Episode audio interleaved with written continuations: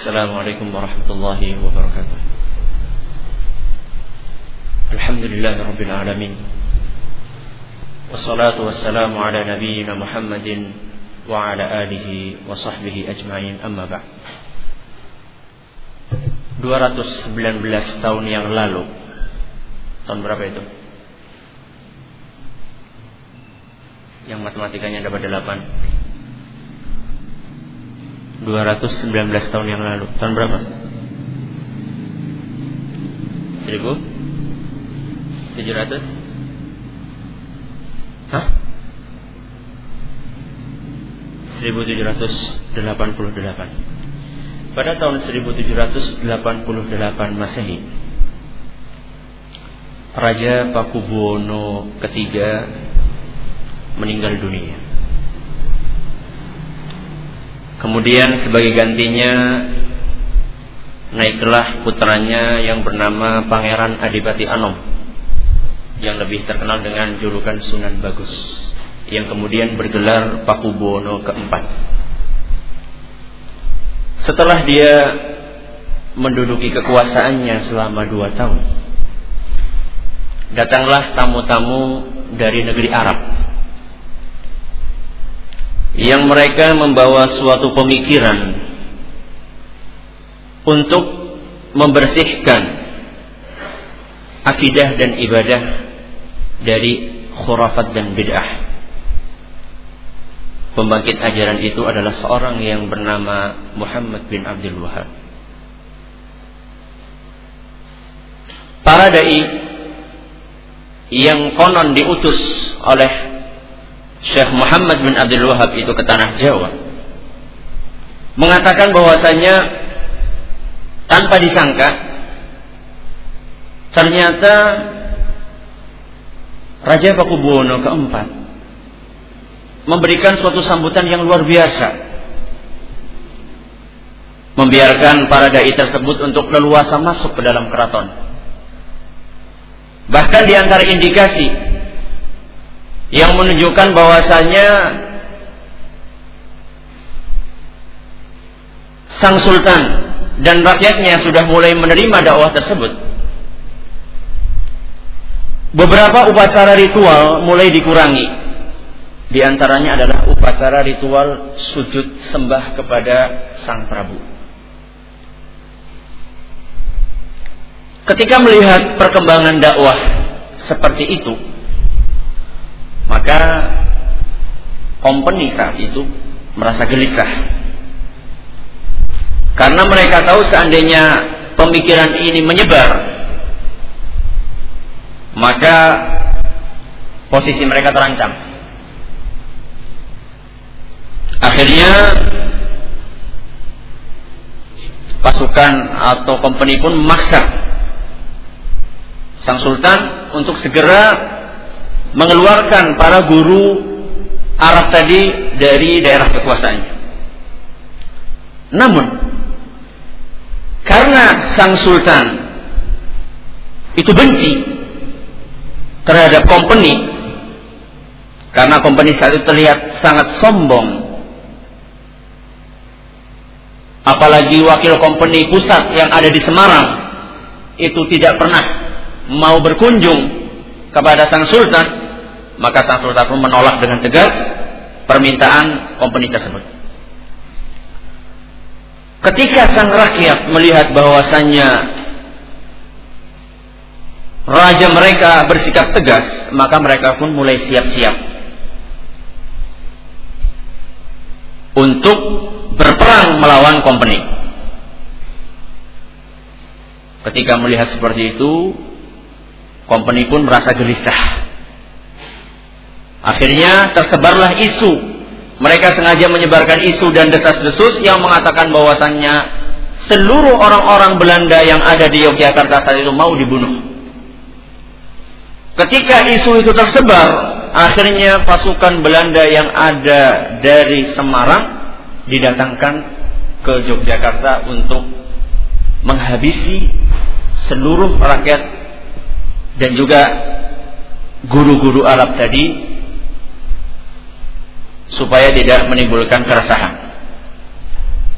Akhirnya karena guru-guru Arab tadi yang membawa ajaran yang dicetuskan oleh Syekh Muhammad bin Abdul Habib itu tahu bagaimana mempertimbangkan maslahat dan madarat akhirnya mereka sendiri menyerahkan diri mulai saat itulah kembali ajaran Islam dan ajaran Hindu serta Buddha hidup rukun sebagaimana sebelum. Baru 10 tahun kemudian pada tahun 1803 datanglah tiga orang yang baru naik haji di tanah mana? Minangkabau. Oh, ternyata dakwah salaf itu sebelum berkobar di Minangkabau dengan munculnya perang Padri ternyata sudah masuk dulu ke tanah Jawa. Katanya. Saya sendiri belum mengecek ke keraton pada tahun itu apa benar sudah datang tamu-tamu dari Arab tersebut atau tidak.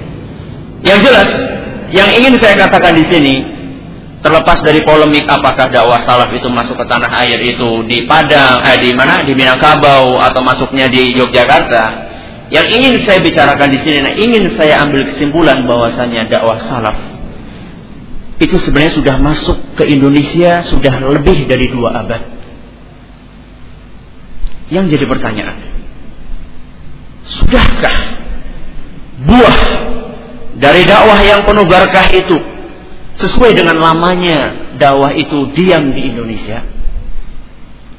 Mungkin ada yang mengatakan Alhamdulillah kajian-kajian, masya Allah di mana-mana apa?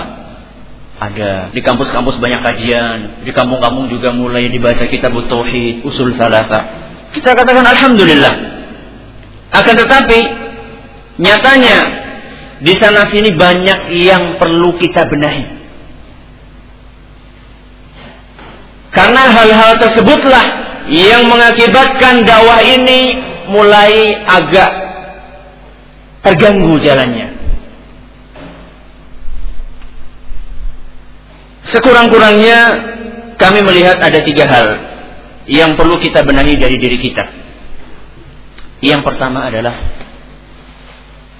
kita perlu membedakan antara dakwah ahlus sunnah wal jamaah yaitu dakwah salafiyah dengan dakwah-dakwah lain yang semisal.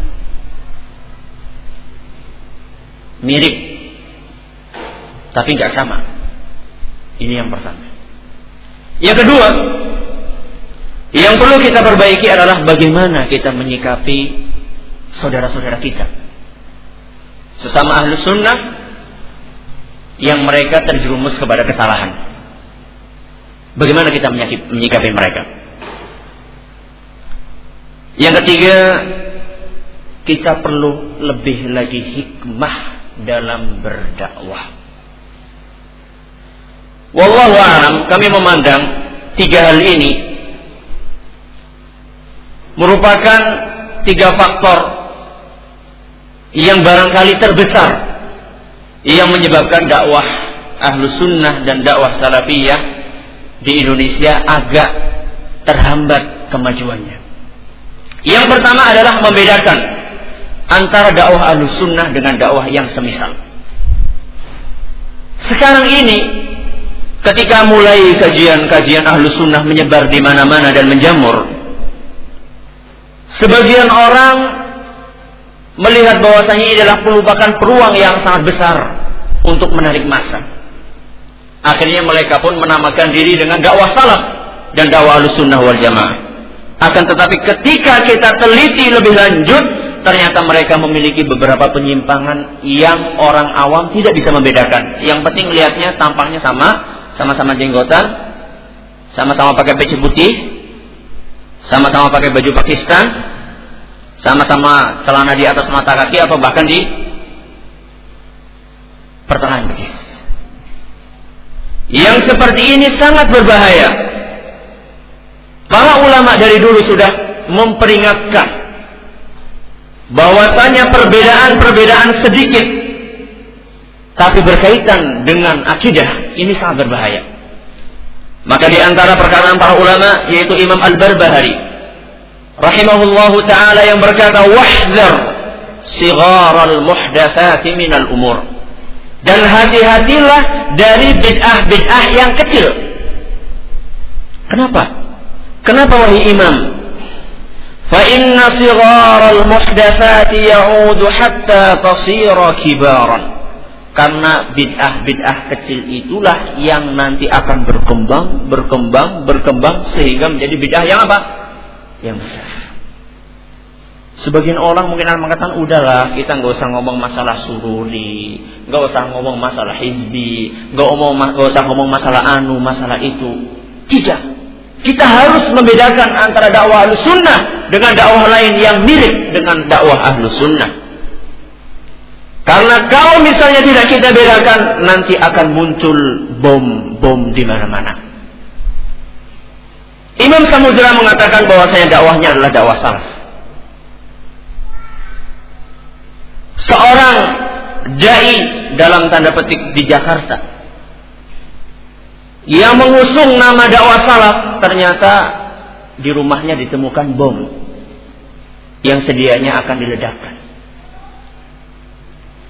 Kalau misalnya ini tidak tidak terangkan kepada umat, ini akan berbahaya. Mungkin sebagian orang mengatakan kan kita sama-sama ngaji kita tauhid. Kenapa kita mentahdir dari fulan? Kenapa kita mentahdir dari alan? Bukankah mereka juga ngajinya kita tauhid? Bukankah mereka juga ngajinya usul salah? Bukankah di majalah mereka juga mengatakan kami manhaj salaf? Bukankah di majalah mereka mengatakan bahwasanya mereka menukil banyak menukil perkataan Ibnu Taimiyah, Ibnu Qayyim, Muhammad bin Abdul Wahab. Kenapa kita ribut-ribut? Tidak. Kita harus membedakan antara dakwah sunnah dengan dakwah lain. Kalau tidak kita bedakan, nanti bahaya. Makanya ketika muncul peledakan-peledakan yang ada di Saudi, baru sebagian masyayikh atau sebagian dai yang ada di sana baru mereka membelalakan matanya. Oh, jadi benar sikap yang selama ini ditempuh oleh para ulama seperti Syekh Saleh Al Fauzan atau Syekh Rabi bin Hadi Al Madkhali yang mereka dari dulu-dulu sudah memperingatkan kepada umat hati-hati dengan pemikiran takfir. Hati-hati dengan pemikiran-pemikiran Said Qutb Hati-hati dengan pemikiran-pemikiran orang-orang yang semisal dengan dia. Mereka baru paham bahwasanya pemikiran itu kalau dibiarkan ujung-ujungnya adalah bom-bom yang meledak di mana-mana. Ini penting. Makanya ketika muncul bom-bom tadi, orang-orang seperti Salman Al-Auda atau Safar Al-Hawali, mereka berusaha mengingkari Kok bisa? Itu nggak benar. Bom itu merupakan salah satu bentuk perbuatan yang tidak benar menurut Islam. Maka salah seorang ulama di Madinah mengatakan, Antumul ladina tazra'un Antumul ladina tada'un al-buzura Thumma antumul ladina tunkiruna thimaraha Kalian yang dulu menanam benih-benih ini Sekarang kalian mengingkari buah dari benih-benih yang kalian tanam. Jadi ini penting kita untuk membedakan dakwah sunnah dengan dakwah sururiyah atau dakwah hizbiyah penting. Karena ini salah satu yang menghambat jalannya dakwah kita kalau misalnya kita tidak tahu dakwah tersebut. Yang kedua adalah mengetahui sikap yang benar dalam bermuamalah dengan sesama ahlu sunnah yang mereka memiliki kesalahan. Ini penting. Karena ini pun yang menyebabkan dakwah kita agak terseok-seok. Seorang dai yang masya Allah salafi mengisi pelajaran, tahu-tahu ada dai lain. Ini gak salafi, ini hizbi, ini sururi, langsung blas. Masjid itu habis. Yang ini ngisinya yang sudah merintis akhirnya habis, yang mentahdir dia juga nggak ganti ngisi di situ. Apa faedah? Ini nggak bisa bedakan. Bagaimana berhubungan sesama ahlu sunnah dengan sesama ahlul bid'ah. Dia tidak bisa bedakan antara ahlul bid'ah dengan ahlu sunnah yang salah atau keliru atau mungkin dia nggak keliru cuman berbeda istihad. Ini penting. Yang ketiga adalah hikmah di dalam berdakwah dan inilah materi pengajian kita pada sore hari ini. Kira-kira ada tiga golongan manusia dalam menyikapi kata hikmah. Golongan yang pertama adalah golongan yang tidak peduli kata hikmah. Sebagian ada yang mengatakan baru ngaji karena dengan semangat 45 maka dia pulang ke rumahnya dia memberi instruksi kepada bapak dan ibunya, "Pak, Bu, pokoknya mulai hari ini bapak dan ibu tidak boleh lagi pergi ke dukun." tidak boleh lagi ikut sedekah bumi. Tidak boleh lagi ikut maulidan, yasinan, tahlilan. Dan bapak harus memotong celana bapak di atas mata kaki. Dan ibu harus memakai cadar. Masya Allah. Ya bapaknya ya melongo. Apa ini? Sudah bertubi-tubi. Kemudian nggak babi bu langsung tabrak saja. Si bapak mungkin saja dia akan naik naik darahnya. Emang ente siapa? Ente anak kemarin sore ngomong kayak gitu. Kalau ente nggak mau di sini pergi aja dari rumah sini. Mungkin akan muncul seperti itu. Mungkin sebagian orang mengatakan ya akhi antum tuh harus hikmah dalam berdakwah. Loh, bukankah kita harus menyampaikan yang hak meskipun itu pahit? Ini golongan yang pertama, yang gak peduli masalah hikmah. Golongan yang kedua adalah golongan yang terlalu longgar dalam memahami istilah hikmah. Sehingga mereka sering mengorbankan beberapa syariat Islam dengan alasan hikmah. Ada sebagian mereka yang larut di dalam ritual-ritual kesyirikan atau praktek-praktek bidah di masyarakat atau terkadang dia ikut joget bersama lagu SMS dengan alasan ketika dia ya akhi itu musik itu haram ya akhi. Ini syirik ini bid'ah perbuatan-perbuatan ritual ini. Kenapa antum larut di dalam acara-acara seperti itu? Ya akhi kita harus hikmah dalam berdakwah. Karena Islam itu rahmatan lil alamin. Masya Allah. Juru dakwah tapi minim ilmu. Golongan yang ketiga adalah golongan yang tengah. Yang memahami hikmah dengan pemahaman yang benar sehingga dia senantiasa berdakwah di atas ilmu dan setiap akan bergerak berdakwah dia selalu mempertimbangkan sikap yang akan dia petik dari dalil-dalil dari kitab dan sunnah. Kalau kayak gitu apa sih definisi hikmah? Saya sebutkan ada beberapa definisi di sini di makalah. Ini makalahnya tebel, ada 69 halaman maka nggak mungkin anak sampaikan semuanya maka anak akan ikhtisar anak akan ringkas. Tolong nanti uh, nanti insya Allah panitia akan membagikan makalahnya dan juga seandainya makal ceramah ini direkam dalam CD kemudian akan disebarkan maka tolong tidak cukup hanya mendengarkan CD harus memegang makalah. Bukan lagi promosi makalah. Ini bukan buku. Nah, bukan buku. Jadi gak usah wah ini Ustadz ini pengen royaltinya besar nih biar bukunya ini bukan buku ini makalah. Jadi supaya nanti apa? Supaya nanti bisa yang kurang di dalam omongan saya ini bisa dilengkapi dari makalah. Intinya hikmah dalam berdakwah adalah tepat dalam perkataan. Perbuatan dan keyakinan. Tepat dalam perkataan, perbuatan dan keyakinan serta meletakkan sesuatu pada tempatnya yang sesuai.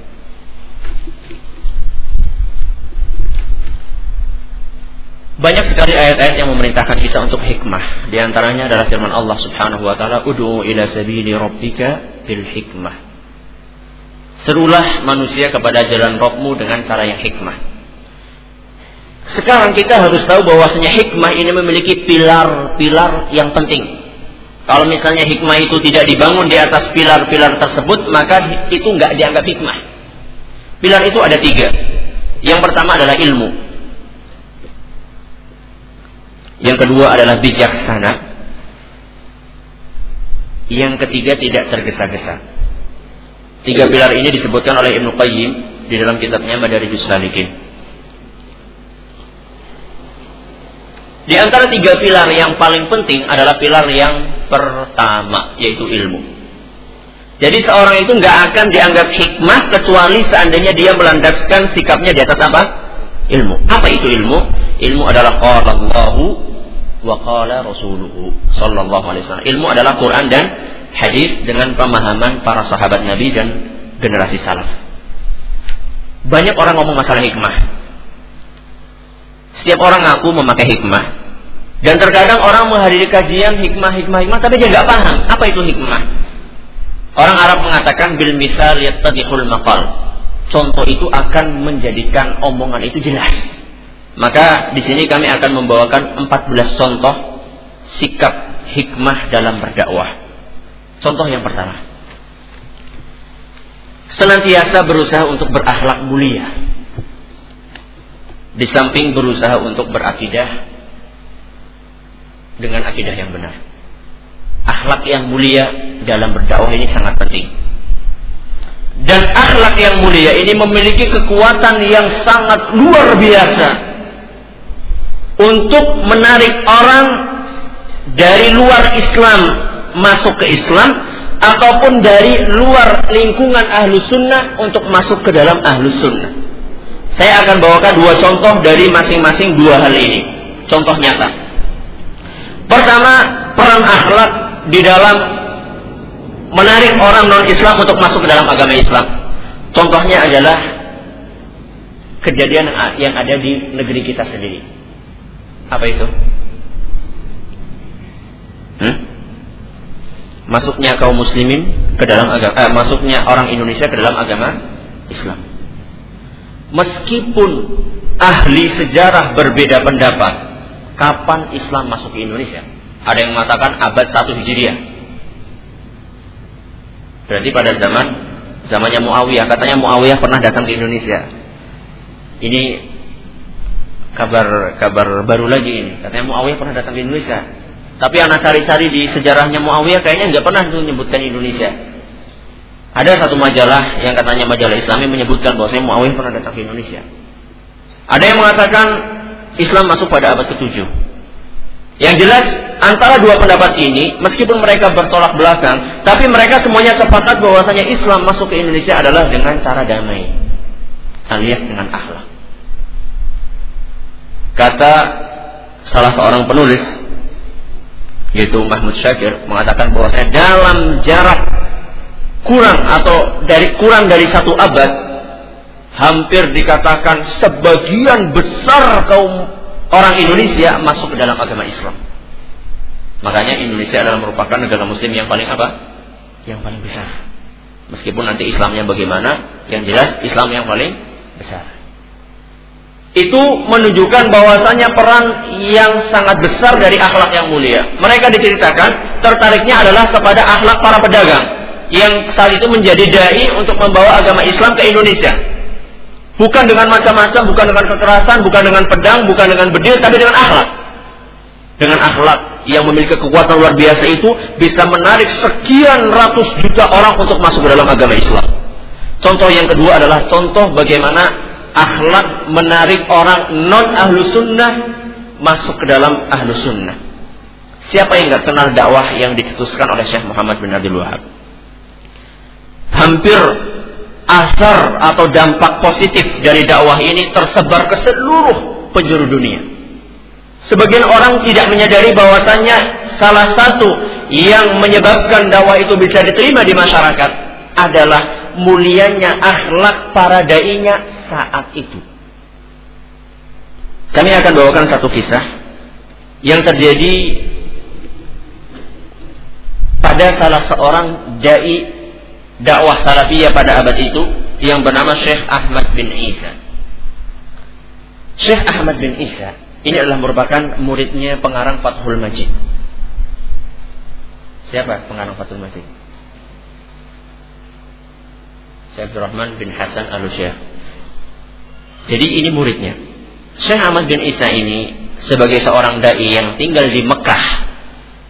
Dai kan punya keluarga. Jadi dia butuh untuk memberi makan kepada anak istrinya. Dia memilih mata pencarian sebagai seorang pedagang kain.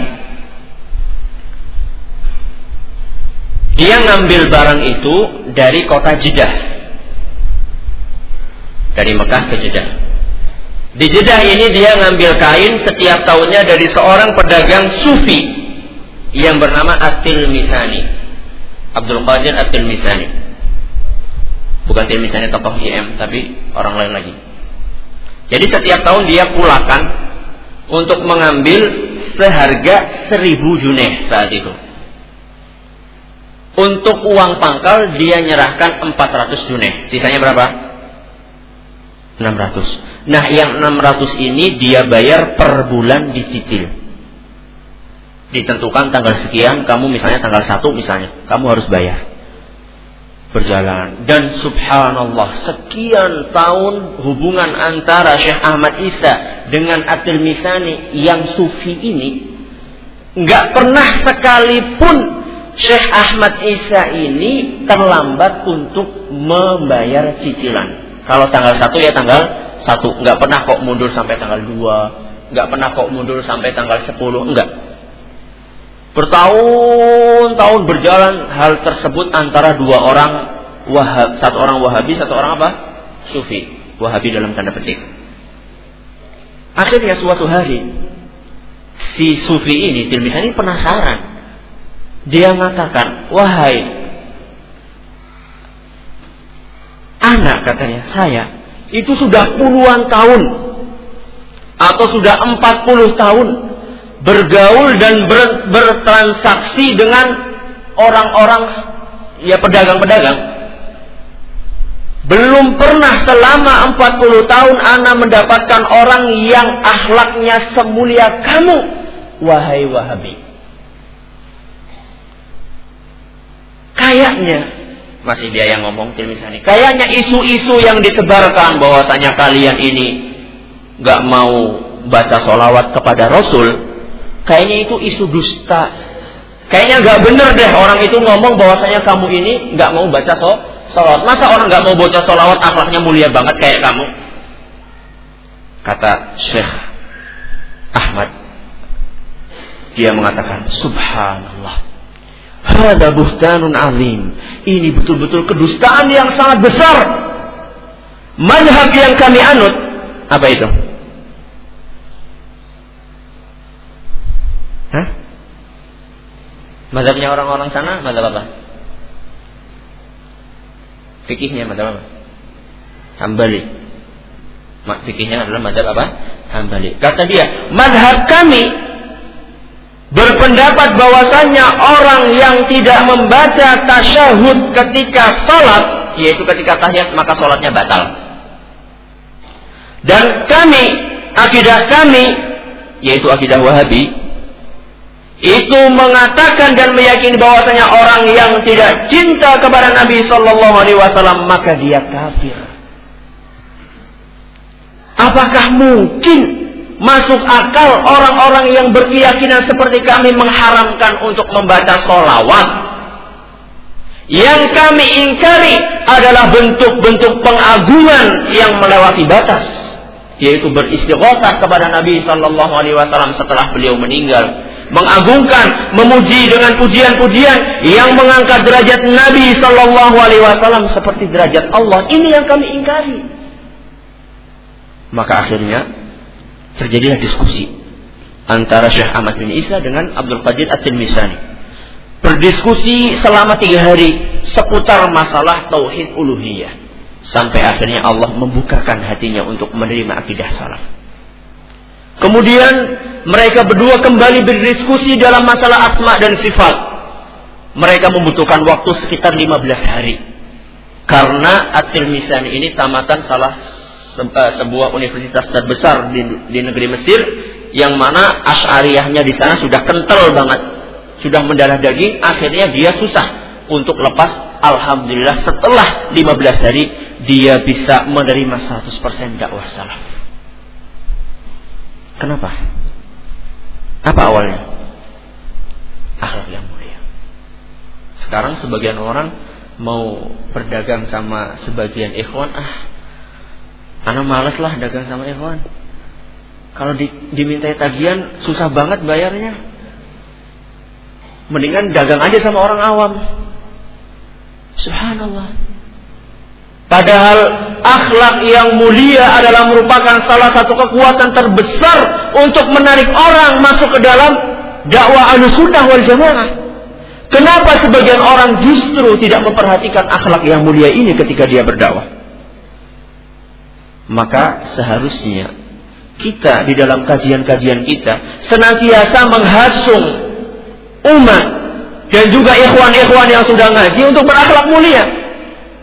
Contohnya masalah berbakti kepada orang tua. Sekarang sudah banyak orang-orang yang tidak peduli lagi dengan berbakti kepada orang tua. Sampai penyakit ini merambah ke sebagian orang yang sudah ngaji. Ini sangat menyayangkan. Sangat disayangkan. Sangat menyedihkan. Padahal seandainya seorang anak yang sudah ngaji ini berakhlak mulia kepada orang tuanya, banyak sekali jurang-jurang yang sedemikian luas antara seorang anak dan seorang bapak yang jurang itu akibat dari benturan-benturan antara anak dengan bapak. Karena bapaknya memaksa untuk anaknya mengikuti ritual-ritual kesyirikan atau ritual bid'ah tapi si anak dengan kokohnya dia menjaga akidahnya dia menolak. Akhirnya terjadi kerenggangan-kerenggangan jurang-jurang yang semakin luas dan itu diperparah ketika sang anak tidak berakhlak mulia kepada orang tuanya dia mengira bahwasanya kalau anak dipaksa seperti ini, anak nggak mau ya sudah berarti anak nggak bantu orang tua, nggak nyapu, nggak ngepel, nggak nyuci piring. Salah. Seandainya kita dipaksa untuk berbuat syirik saja, kita tetap diperintahkan untuk tidak taat benar. Tapi apa firman Allah Subhanahu wa taala selanjutnya? Wasahibhuma fid dunya ma'rufa. Ini Allah Subhanahu wa taala firmankan setelah Allah mengatakan wala fala tuti'huma. Seandainya orang tua kalian memerintahkan kalian untuk berbuat syirik, jangan kalian taati. Nyuruh untuk ikut sedekah bumi jangan ditaati. Nyuruh pergi ke dukun jangan ditaati. Nyuruh pakai jimat jangan ditaati. Tapi wasahibhuma fid dunya ma'rufa. Tapi tetaplah gaulilah dan bergaulah dengan orang tua kalian dengan baik. Jadi bukan berarti ketika kita nggak taat kepada orang tua kita dalam perbuatan syirik kemudian kita nggak membantu orang tua kita salah. Justru betapa banyak orang tua orang tua yang hatinya luruh untuk menerima al-haq ketika dia melihat anaknya, masya Allah anak saya kok setelah ngaji tambah berbakti kepada orang tua. Kisah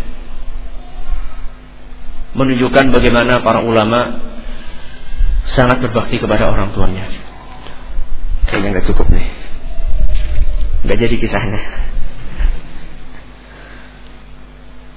Sebagian orang mengira bahwasannya akhlak mulia itu bisa dicapai dengan melarutkan diri dalam acara-acara bid'ah. Ini keliru. Jadi Oh berarti kalau kayak gitu kita berakhlak mulia caranya ikut tahlilan, ikut yasinan, ikut maulidan, ikut acara-acara ritual syirik yang mungkin acara-acara ritual yang ada di masyarakat yang berbau syirik yang bidah enggak. Tapi ketika kita tidak mengikuti acara-acara tersebut, kita masih bisa berakhlak mulia. Bagaimana caranya? Caranya adalah kita mengikuti acara-acara yang tidak ada bau-bau penyelewangan terhadap syariat. Contohnya apa? Diajak kerja bakti kita misalnya nggak ikut yasinan. Tapi kalau misalnya kita diajak kerja bakti, maka kita di, di, berada di garisan pertama dengan membawa sapu kita, ikut berbakti membersihkan RT kita. Gak ada larangan, gak ada larangan di dalam Islam melarang kita untuk kerja bakti. Orang ngira bahwasanya kalau kita nggak ikut yasinan berarti kita ikut kerja bakti. Salah. Gak benar. Kita ikut kerja bakti. Kalau ada kumpul RT dan tidak ada mukhalafah syariahnya di situ, kita ikut kumpul RT. Kalau misalnya kita melihat tetangga kita kesusahan, kita bantu. Kalau misalnya kita sedang walimah, kita tidak lupa untuk memberikan bukan sekedar bau harumnya atau wanginya masakan yang kita masak, tapi kita berikan kepada tetangga-tetangga kita. Penting hal seperti ini. Misalnya suatu ketika kita melihat baru pulang dari masjid, pakai baju koko yang masya Allah, pakai baju putih, udah disetrika, baru pulang dari masjid nih.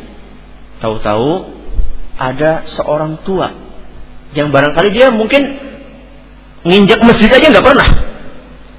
Baru pulang dari sawah membawa padi yang sedemikian banyaknya ditaruh di boncengan sepedanya, dia sedang naik tanjakan. Mungkin kita melihatnya, mungkin sebagian dari kita nggak pernah sholat, ngapain dibantu? Enggak. Justru orang-orang yang seperti itu biasanya mereka itu tergerak ketika kita menunjukkan akhlak itu dengan praktek, bukan cuma dengan ngomong aja. Kita bantu meskipun barangkali akan kusut sedikit baju kita, nggak apa-apa. Baju kusut kan bisa di bisa terika. Itu seperti itu. Siapa di antara kita yang mengecek akhlaknya apakah sudah seperti atau belum?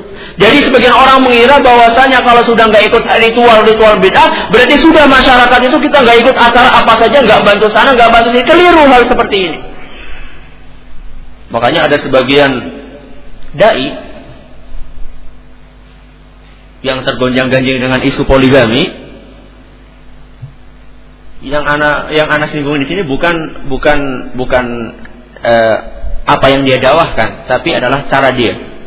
Anak pernah melihat foto yang di situ kelihatan dia sedang ada dua orang tokoh yang satu dia yang satunya ini tokoh jil yang sudah meninggal. Yang dai ini dengan tawaduknya kelihatannya dari wajahnya itu dia bantu tukang becak dorong becak. Yang mungkin bawaannya berat. Yang satunya ini tokoh jil ini hanya ngelihat dengan senyum agak gimana gitu orang awam melihat seperti ini ini dai ini dorong becak ini dengan pakaiannya dengan sorbannya yang sedemikian rapinya orang awam melihat ini itu bisa mengganti puluhan kajian akhlak. Bisa mewakili puluhan kajian akhlak. Siapa di antara kita yang menyempatkan seperti itu? Kita ini niru seperti itu bukan niru dai ini, tapi niru Nabi Shallallahu Alaihi Wasallam. Nabi Shallallahu Alaihi Wasallam ketika suatu hari sama teman-temannya, sama para sahabatnya berburu, Kemudian para sahabatnya, sudah saya yang berburu, yang lainnya udah saya yang menyembelih, yang lainnya saya membersihkan. Kalau gitu kata Nabi, saya yang mencari kayu bakar. Masya Allah. Siapa di antara kita yang seperti itu?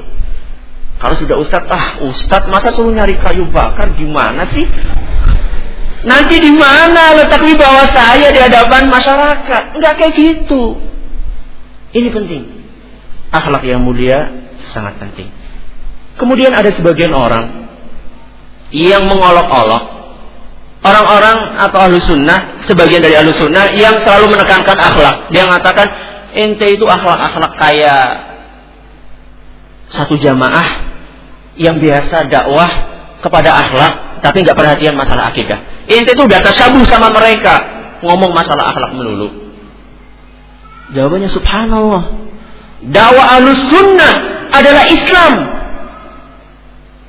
tidak lain dakwah sunnah atau dakwah salafiyah itu adalah Islam dan Islam itu terdiri dari akidah, akhlak dan ibadah. Jadi keliru orang yang memahami bahwasanya Islam itu hanya akidah. Keliru orang yang memahami bahwasanya dakwah salafiyah hanya ada di dalam akidah. Imam Al-Barbahari menukil perkataan Imam Bishr Al-Hafi. Dia mengatakan, As-sunnatu hiyal Islam wal Islamu huwa as-sunnah. Jadi sunnah adalah Islam, Islam adalah sunnah. Jadi ajaran ahlu sunnah dakwah salafiyah adalah agama Islam dan agama Islam adalah dakwah ahlu sunnah wal jamaah yang mencakup akidah, akhlak dan ibadah. Kemudian seandainya ada katakanlah ada kelompok bid'ah, kelompok suatu ahlu bid'ah yang mereka perhatian banget masalah akhlak, tapi nggak pernah nyinggung yang masalah akidah. Apakah seandainya ada sebagian ahli bidah yang mengerjakan atau unggul di dalam suatu sisi syariat, kemudian sisi itu kita tinggalkan karena kita nggak ingin dikatakan tasabuh sama mereka. Kalau kayak gitu, banyak sekali nanti yang akan kita tinggalkan dari sisi syariat kita. Sekarang orang Yahudi jenggotnya panjang-panjang loh. Kalau gitu, wah, karena nggak mau nanti pakai jenggot nanti kayak orang Yahudi. Enggak, kalau misalnya ada sebagian orang ahlul bid'ah atau non muslim mengerjakan sunnah dan mereka lebih unggul dari kita, seharusnya kita sebagai ahlus sunnah dan sebagai ahlus, eh, sebagai salafiyin, seharusnya kita justru berusaha membenahi kekurangan-kekurangan tersebut. Bukan kok malah lari dari hal yang kita kurang dalam sisi tersebut. Contoh yang kedua.